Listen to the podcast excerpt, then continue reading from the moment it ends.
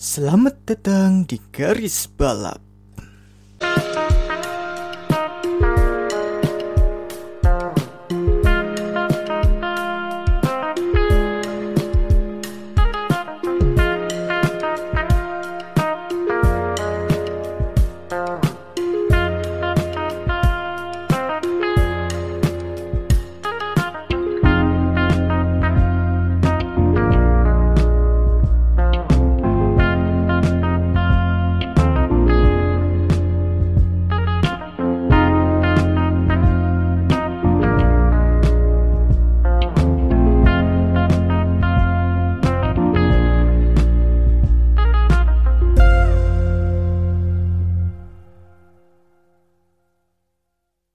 Oke, kembali lagi, kembali lagi di garis balap bersama test driver andalan Anda.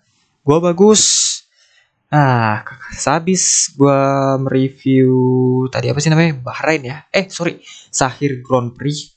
Sekarang gua mau mereview musim Formula 2 2020. Musim Formula 2 2020. Formula 2 musim 2020.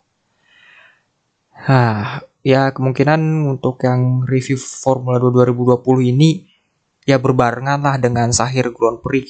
Jadi dalam sehari double upload gitu. Ya, semoga saya kuat.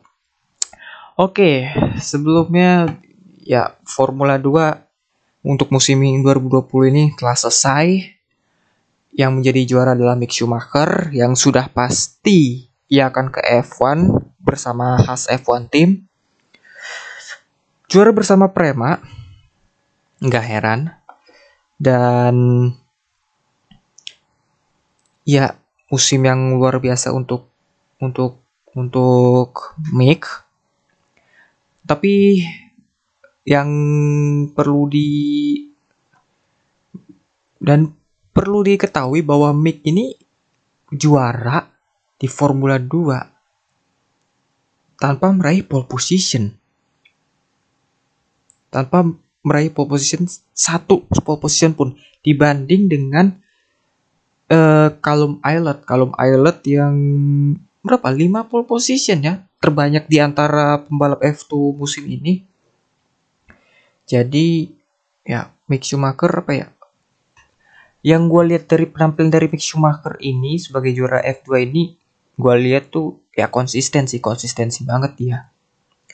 Di awal lu sempat terpuruk di Red Bull Ring uh, meraih hasil yang tidak memuaskan di dua balapan.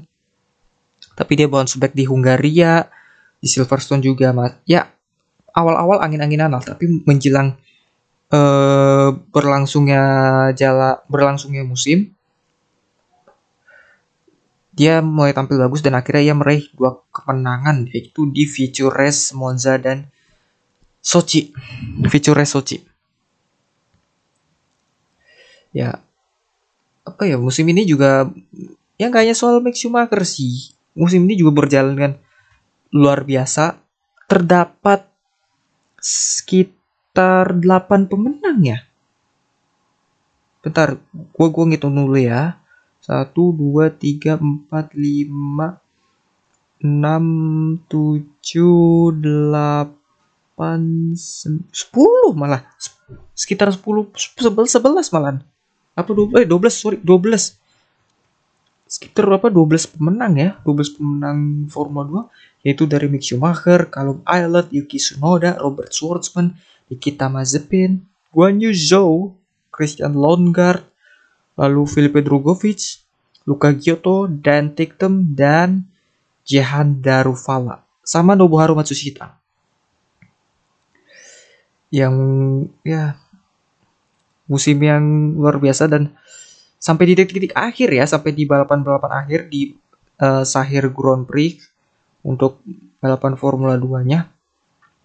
Yang menang Yuki Sun pada pada ronde terakhir tuh Yuki Tsunoda sama Janda Rufala yang Janda Rufala malah baru ngegas di akhir gitu loh. Sebelumnya di balapan-balapan sebelumnya dia tampil ups and down kan, tampil angin-anginan lah. Tapi selain Mick Schumacher, penampilan yang patut dijadikan highlight adalah penampilan di Kalum Island, Yuki Tsunoda, Nikita Mazepin, dan banyak pembalap lainnya sih. Kalum Island ya apa ya? Kalum Island ini bukan pembalap yang jelek ya. Tapi apa ya, lucknya tuh nggak ada di dia gitu loh.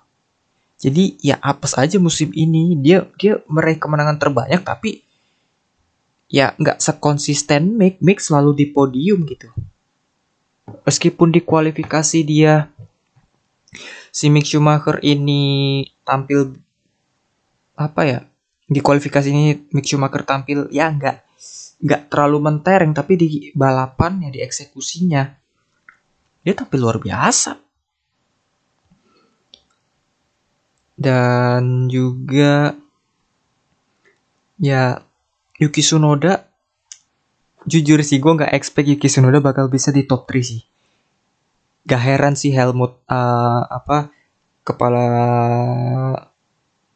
Red Bull Christian Horner dan Dr. Helmut Marko menargetkan bahwa Yuki Tsunoda ini bakal bisa finish di top 4 bukan bakal finish sih kayak lebih menargetkan ia bakal bak, menargetkan ia finish di top 4 untuk musim ini. Dan ternyata dia sebagus itu. gue gue gak nyangka sih, jujur aja sih. Karena ya prediksi gue ya Yuki Tsunoda nih ya nggak bakal justru cuma justru malah gue khawatir loh Yuki Tsunoda ini akan apa akan terjebak sama Red Bull karena ditargetkan yang terlalu tinggi seperti itu. Tapi melihat penampilan musim ini wow luar biasa gitu loh. Meraih pole position juga terus meraih tiga kemenangan podium juga. Ya ini sih menurut gue untuk Yuki Tsunoda sih outstanding sih outstanding banget. Apalagi sekarang rumornya dia makin kenceng uh, untuk bisa membalap di Formula eh Formula 1 bersama Alfa Tauri. Apalagi dia? Pembalap Red Bull Junior Team kan? Terus juga ada Robert Schwarzman yang di musim rukinya meraih 4 kemenangan, salah satu yang terbanyak, bahkan lebih baik dari Calum Island, tapi ya gitulah angin-anginan dan gak konsisten tentunya. Terus pembalap khas tahun depan, oh ya by the way Yuki Tsunoda kan Yuki Tsunoda untuk mas bisa masuk ke F1 dia butuh super license point kan dan menurut gue dengan dia finish di peringkat 3 sih udah tercukupi lah super lisensinya dia sih. Harusnya dia dapat super lisensi. Kembali ke Nikita Mazepin meraih Nikita Mazepin ini meraih dua kemenangan ya dan musim depan seperti yang kita tahu dia akan ke Haas. Ini sebenarnya agak jomplang sih skuadnya Haas sih. Jomplang dalam arti karakter pembalapnya. Mick Schumacher ini kalau yang gue lihat sih nggak nggak nggak agresif ya. Dia lebih ke kalem sih kayak membalap ya. Meskipun terkadang dia juga harus agresif tapi agresifnya nggak nggak ya apa ya? Nggak agresif banget lah. Dia masih bisa apa ya? Masih bisa ten dia tenang banget dalam dan driving style cukup tenang dan ya kalem seperti kepribadian dari Mick nggak banyak ngomong segala macam tapi Nikita Mazepin. Nikita Mazepin ini kan apa ya? Nikita Mazepin Nikita Mazepin ini kan juga kalau dilihat-lihat nih karakternya dia tuh dia dia lebih ke pendingin tak apa pendingin lagi. Freezer dong. Enggak maksud gua lebih ke yang dingin tapi sadis gitu dinginnya kayak pembunuh berdarah dingin gitu. Nikita Mazepin yang gue lihat ya. Enggak sekalinya dia apa ya Nikita Mazepin tuh uh, orangnya dingin. Tapi kalau sekali dicolek ya gue hajar gitu. Itu nih kita Mazepin. Dan dari gaya balapnya juga agresif dan itu terlihat dan itu lebih terlihat di Sahir Grand Prix ketika ia mempertahankan posisinya dari Yuki Tsunoda dan di Felipe Drugovich ya dan Drugovich tuh bener-bener um, agresif banget sih jujur sih itu agresif banget gaya bertahannya ya skuad Haas ini akan menarik sih. Menurut gue Haas akan jadi tim kuda hitam dengan kedua pembalap ini Mick dan Nikita Mazepin. Dan selengkapnya untuk pembahasan Mick Schumacher dan Nikita Mazepin soal kehas ada di episode 10 hehe. Itu jadi itu aja. Ya Nikita Mazepin akan ya kita akan lihat seperti apa musim depan bersama F1 bersama Haas uh, Guan Yu Zhou sayang sekali ya Guan Yu Zhou musim ini tidak sesuai ekspektasi kita ya kita semua. Bahkan Guan Yu Zhou sebelum sebelum musim ini bahkan dia difavoritkan untuk menjadi title contender dan ternyata penampilannya nggak bagus itu nggak apa ya sedikit ber, sedikit di atas musim lalu nggak nggak banyak nggak banyak perubahan. Dia hanya meraih satu kemenangan aja itu pun sprint race. Terus juga Christian Lundgaard yang ya pembalap Renault Driver Academy sama kayak Guan Yuzo ya yang menurut gue lebih pantas mereka berada di F1 daripada Alonso sejujurnya tapi tapi kalau untuk Lundgaard sih uh, satu tahun dulu ya, ya lah ya. Satu tahun dulu di F2 agar dia lebih mateng dan ya bersaing sama Schwartzman mungkin untuk musim depan. Dan Lundgaard ini juga nggak jelek ya meraih kedua kemenangan juga di Red Bull Ring sama Mugello ya. Yes. Iya Mugello. Iya di, di, di Mugello ya dan beberapa podium which is good. Louis Delatras, uh, pembalap yang menurutku apa pembalap papan tengah sejati di F2 di tim Charus dan meraih beberapa podium sayangnya dia tidak meraih kemenangan dan dia menjadi korban dari uh, tidak terpilihnya jadi pembalap khas ya. Jadi soalnya jadi pembalap test driver khas gitu loh bisa ingat penampilannya dia ya konsisten cuma gak nggak not not enough menurut menurut gue terus Filipe Drugovic gue cukup gue cukup im apa ya terkesan sih dengan penampilan Drugovic ya. Gue nggak nyangka Drugovic bakal bisa um, meraih tiga kemenangan dan beberapa podium gitu. Soalnya Filipe Drugovic ini di musim sebelumnya di Formula 3 bersama Carlin poin aja susah pak. Ngeraih poin aja susah dia. Serius susah. Susah banget dia ngeraih poin di Carlin boleh silakan cek deh di uh, track recordnya musim 2019 F3 itu dia itu dia pod, apa poin aja susah. Boro-boro podium. Ngeraih poin aja susah gitu. Benar-benar terseok-seok dan waktu dia ditunjuk waktu dia diumumkan sebagai pembalap uh, eh, F2 bersama MP Motorsport gue wah nih pembalap kayaknya nggak bakal apa ya bakal terseok-seok gitu loh. Tapi ternyata bisa meraih satu bisa meraih tiga kemenangan itu luar biasa. Ini membuktikan bahwa ya pembal apa ya balapan tuh bukan hal yang pasti gitu balapan tuh bukan matematika. Uh, misalnya Filipe Drugovic musim lalu terseok-seok di F3 ya, eh F3. Tapi ketika ketika dia di F2 musim ini belum tentu seanjlok musim sebelumnya di F3 gitu. Dan Filipe Drugovic juga bukan pembalap jelek. Sebenarnya dia juara Euro Formula Open. Terus juga di F4 juga not bad lah penampilan dia. Terus pembalap yang sangat gue terheran-heran kenapa dia balik yaitu Luka Giotto ya sebenarnya ini mungkin lebih ke Luka Giotto ini membalap kembali di F2 sebenarnya kalau yang gue lihat ini sebagai ajang sampingan aja sih. Sebenarnya kan dia uh, berada di apa sebenarnya dia kan kontesnya di uh, eh, GT World Challenge kan GT World Challenge Europe kan bersama Aston Martin. Tapi sayangnya timnya mundur karena COVID dan juga dan juga kompetisi yang dirubah kalender segala macam akhirnya ya memprioritaskan F2 jadinya. Dan satu kemenangan saja menurut gua ya untuk level Luka Giotto ya ya gimana ya sebenarnya Luka Giotto ini bukan pembalap jelek tapi ya un, kelihatan sih Luka Giotto nih kembali ke F2 juga kan dia Luka Giotto ini bersama tim high tech.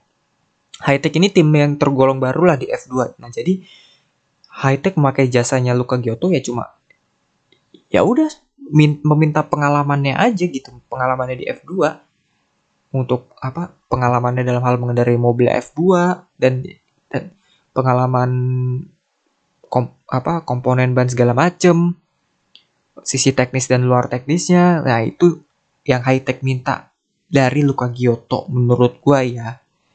Makanya eh, nggak uh, heran juga sih dia performanya nggak sebagus musim 2019 lalu ada The Tiktum ini pembalap bengal sih. Nggak kalah bengal dari Nikita Mazepin. Pembalap yang berani apa ya nyablak lah. Nyablak dan uh, agresif.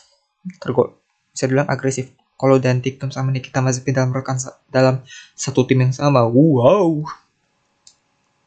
Dan Tiktum dan Nikita Mazepin itu bakal luar biasa.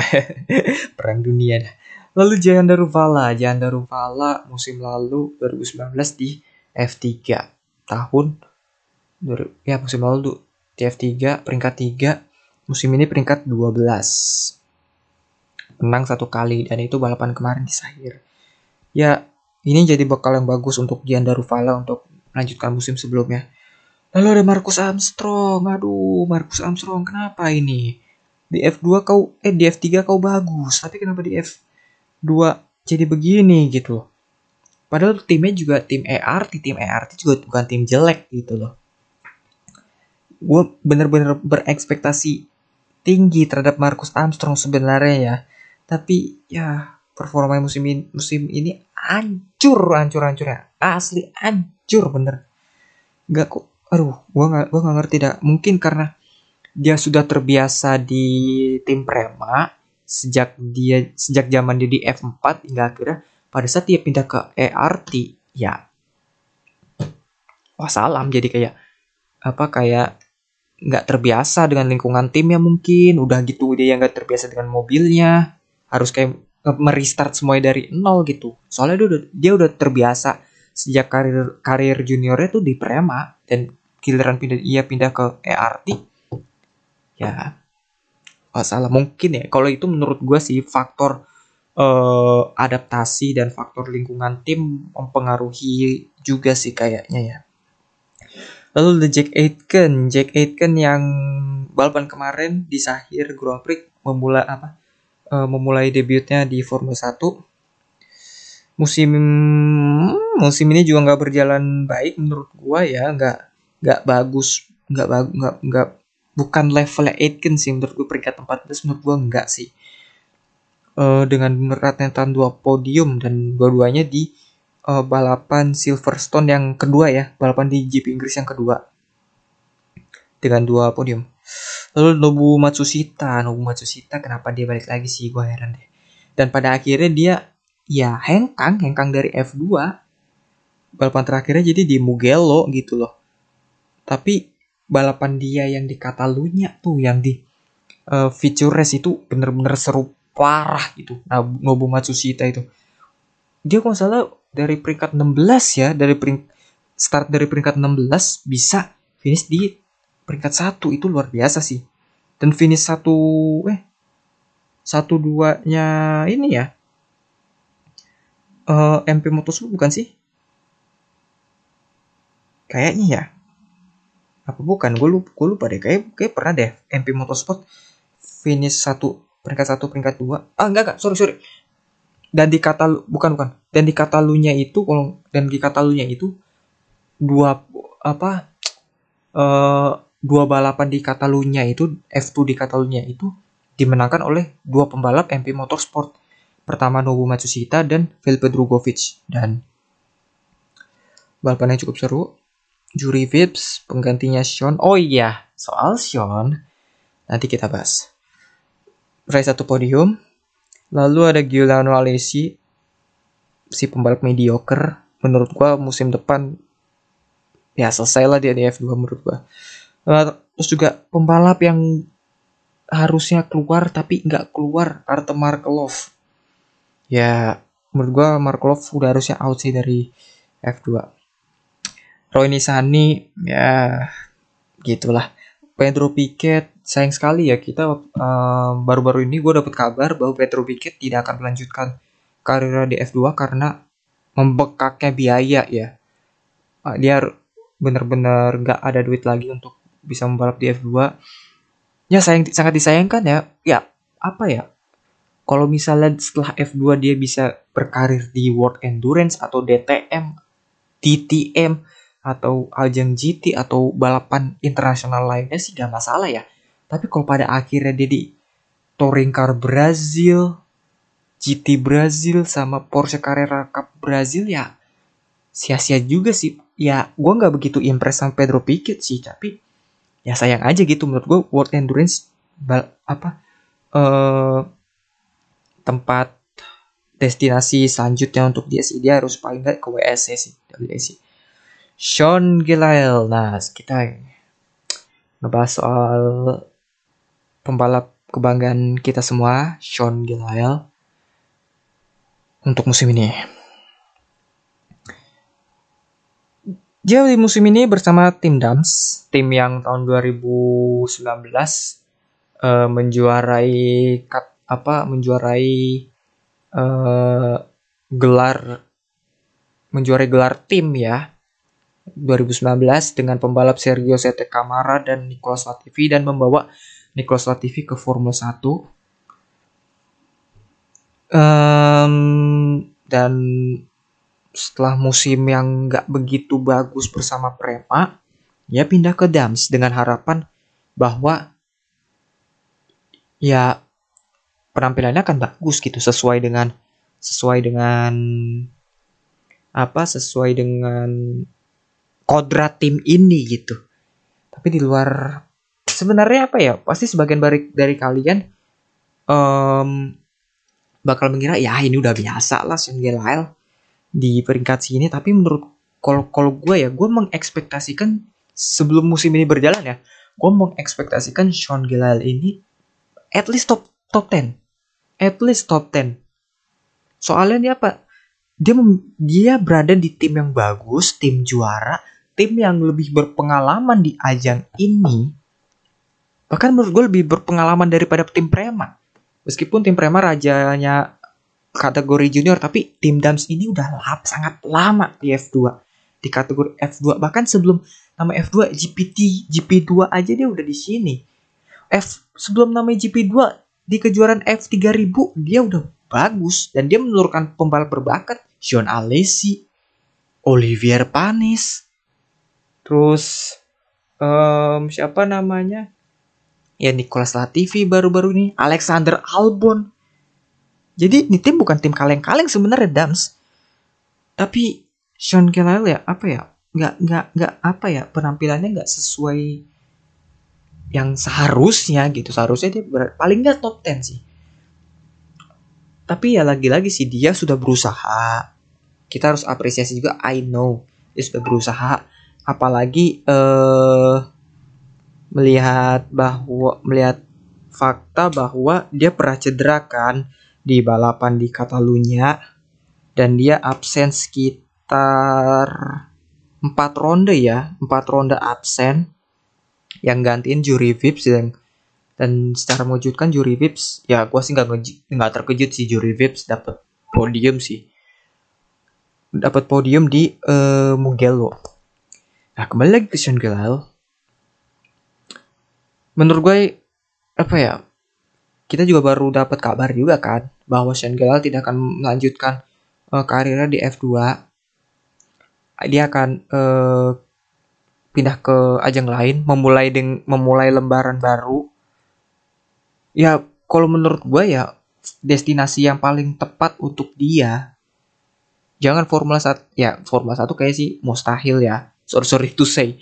Gue ngomong gini bukan kar bukan asal kayak nyinyir apaan, tapi gue melihat data, fakta, dan segala macam. Bukan berarti gue nyinyir ya, sorry sorry to say. Kalau lu anggap gue nyinyir ya lu ya gak bisa nerima pendapat gua begitu. Kembali lagi, eh uh, Charleston Gale menurut gue destinasi yang paling tepat untuk selanjutnya adalah ya kita semua udah pasti kita semua pasti akan sepakat lah World Endurance Championship. Menurut gue itu ajang yang pas untuk dia di kelas LMP2. Dan dia kan pembalap berkategori silver ya, kalau nggak salah. Jadi ya pas aja gitu kalau emang dia masih mau membalap.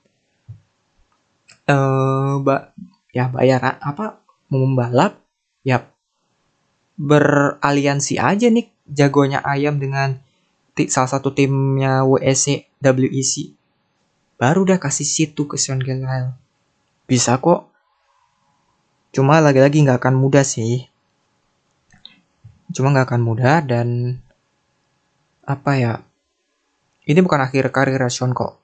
Gue gue sangat menjamin Sean Gelael akan tetap membalap tapi nggak ke F1 atau F2 menurut gue ya sudah selesai aja sih Sean Gelael sih menurut gue ya. Bukan berarti gue nggak mendukung dia gue mendukung. Mau dia di World Endurance Championship, rally, terus apalagi um, touring car misalnya, DTM misalnya, bebas, gue dukung. Tapi ketika F2 ini yang apa musim sebelumnya bersama Prema, musim sebelumnya bersama Dams dan penampilan dia ya gitu-gitu aja. Ya ini sih bukan murni karena timnya ya. Ya ya jawab sendiri deh. Gue nggak mau menyimpulkan nanti gue takut ya orang-orang yang uh, fanboynya pada ini. Nggak nerima oh lu gini banget gak objektif segala macem. Eh itu padahal gue objektif. Tahu deh mereka nggak bisa melihat faktanya. Ya jadi mungkin ya Sean Galal gue akan dukung kalau misalnya dia di World Endurance Championship di ajang dunia pula itu kan. Dia akan dia akan bagus di situ. Ya mungkin ya itu aja mungkin kali ya dari gue ya mulai F2 uh, musim yang luar biasa Mick Schumacher juara Yuki Tsunoda cemerlang sekali. Dan ya sekali lagi terima kasih pada kalian yang masih mendengarkan garis balap.